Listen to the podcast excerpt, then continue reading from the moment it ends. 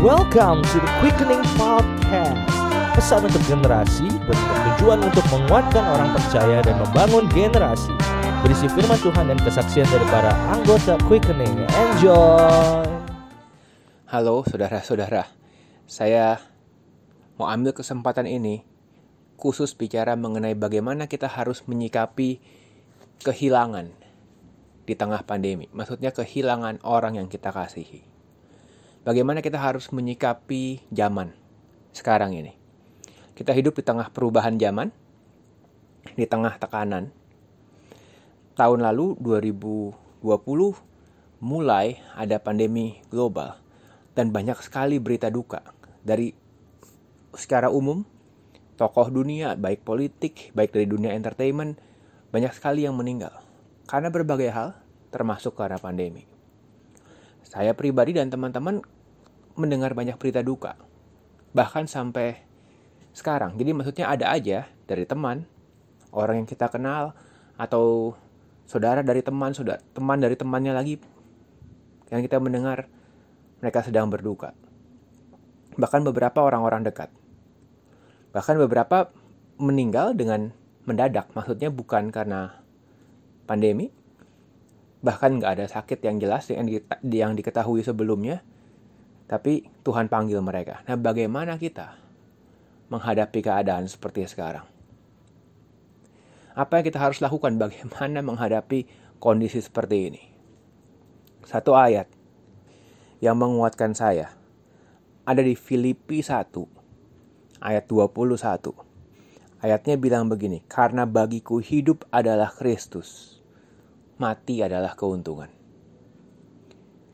Bagi teman-teman, saudara yang telah dipanggil Tuhan, biarkan mereka beristirahat dalam Tuhan. Bagi kita yang hidup sekarang, kalau sudah waktunya kita dipanggil Tuhan, itu keuntungan.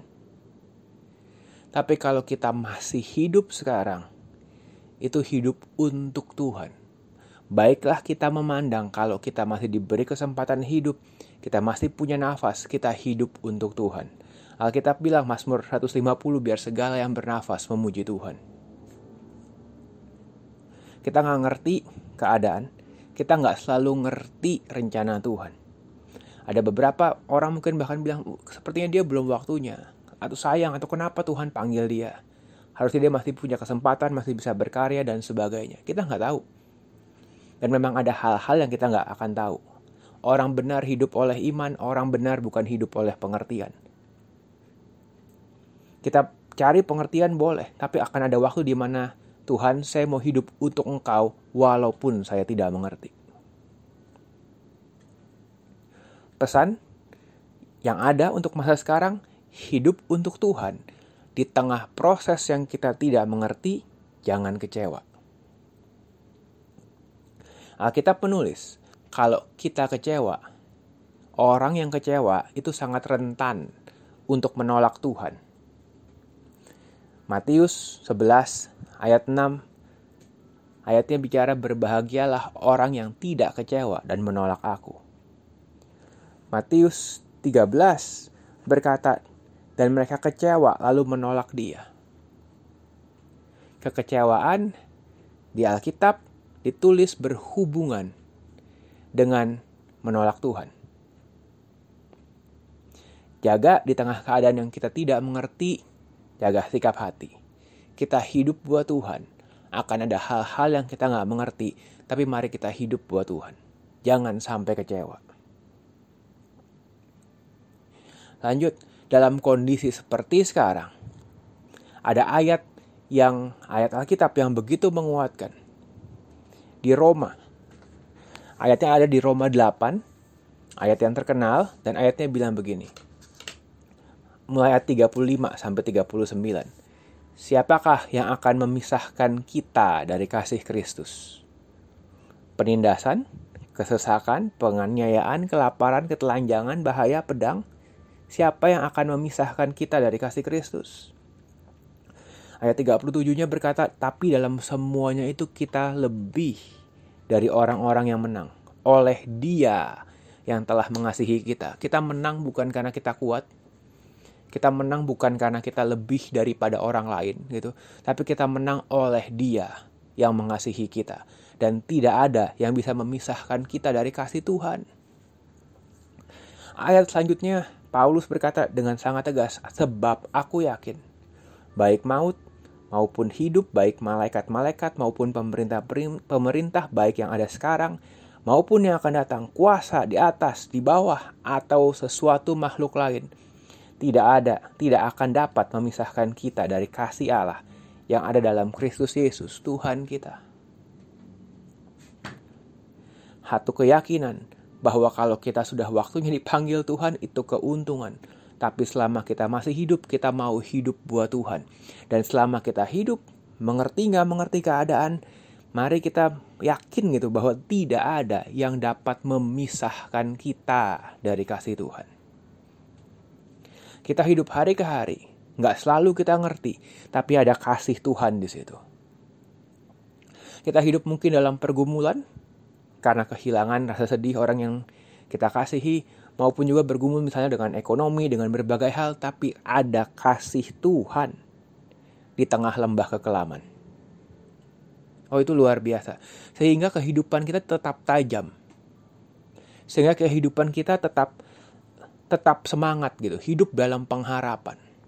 Bukan hidup dalam tekanan, level stresnya tambah lama tambah naik, tapi percaya ada kasih Tuhan di tengah lembah kekelaman. Daud bilang, Sekalipun aku berjalan dalam lembah kekelaman, aku tidak takut bahaya sebab engkau besertaku.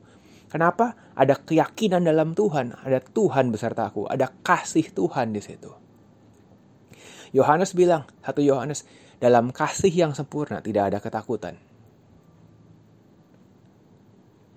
Saya berdoa justru di masa-masa sekarang muncul umat Tuhan yang kuat. Umat Tuhan yang bisa percaya berharap Tuhan di tengah tekanan. Bukan sekedar di tengah keadaan baik. Masa-masa ini masa-masa kita menyatakan iman kita. Bukan sok kuat, bukan sok nggak sedih, bukan. Tapi karena percaya tidak ada yang bisa memisahkan kita dari kasih Tuhan. Kalau memang sudah waktunya buat kita, atau kalau memang sudah waktunya buat orang-orang yang kita kasihi untuk pergi, ya sudah. Toh di luar kendali kita. Tapi kalau kita masih hidup, biar segala yang bernafas memuji Tuhan. Kalau kita masih hidup, biar kita hidup untuk Tuhan. Jangan lupakan itu, karena kita bukan hidup buat maunya sendiri.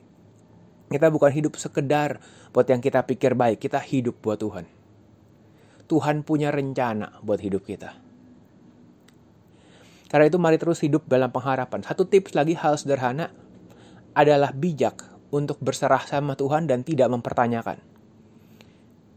Tuhan kenapa dia begini? Tuhan kenapa dia sudah dipanggil? Tuhan kenapa keadaan sekarang? Tuhan kau di mana? Jaga sikap hati, jaga perkataan di tengah tekanan.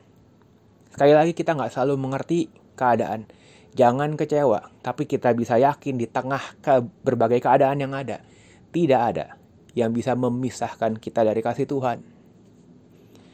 Zaman sekarang anak-anak muda, orang dewasa bisa mengalami stres, entah karena terkurung di rumah, entah karena ekonomi dan sebagainya. Ini waktu iman bangkit. Ini waktu kita hidup dalam pengharapan Tuhan di tengah pergumulan, bahkan jalan keluar saya kadang-kadang mungkin belum lihat, tidak ada yang memisahkan saya dari kasih Tuhan. Tuhan akan tolong. Tuhan sanggup pelihara umatnya di tengah keadaan. Kita, mari kita hidup dalam pengharapan. Sekali lagi saya ulang, terakhir kalinya. Kalau sudah waktunya, itu keuntungan. Tapi selama kita masih hidup, kita hidup untuk Tuhan. Mari hidup dalam pengharapan akan kasih Tuhan. Amin. One, two, three, let's go. Thank you for listening Quickening Podcast. Untuk kalian yang mau mengikuti aktivitas dari Quickening bisa follow Instagram kami di Quickening Official dan bisa subscribe YouTube kami di Quickening Official. Thank you.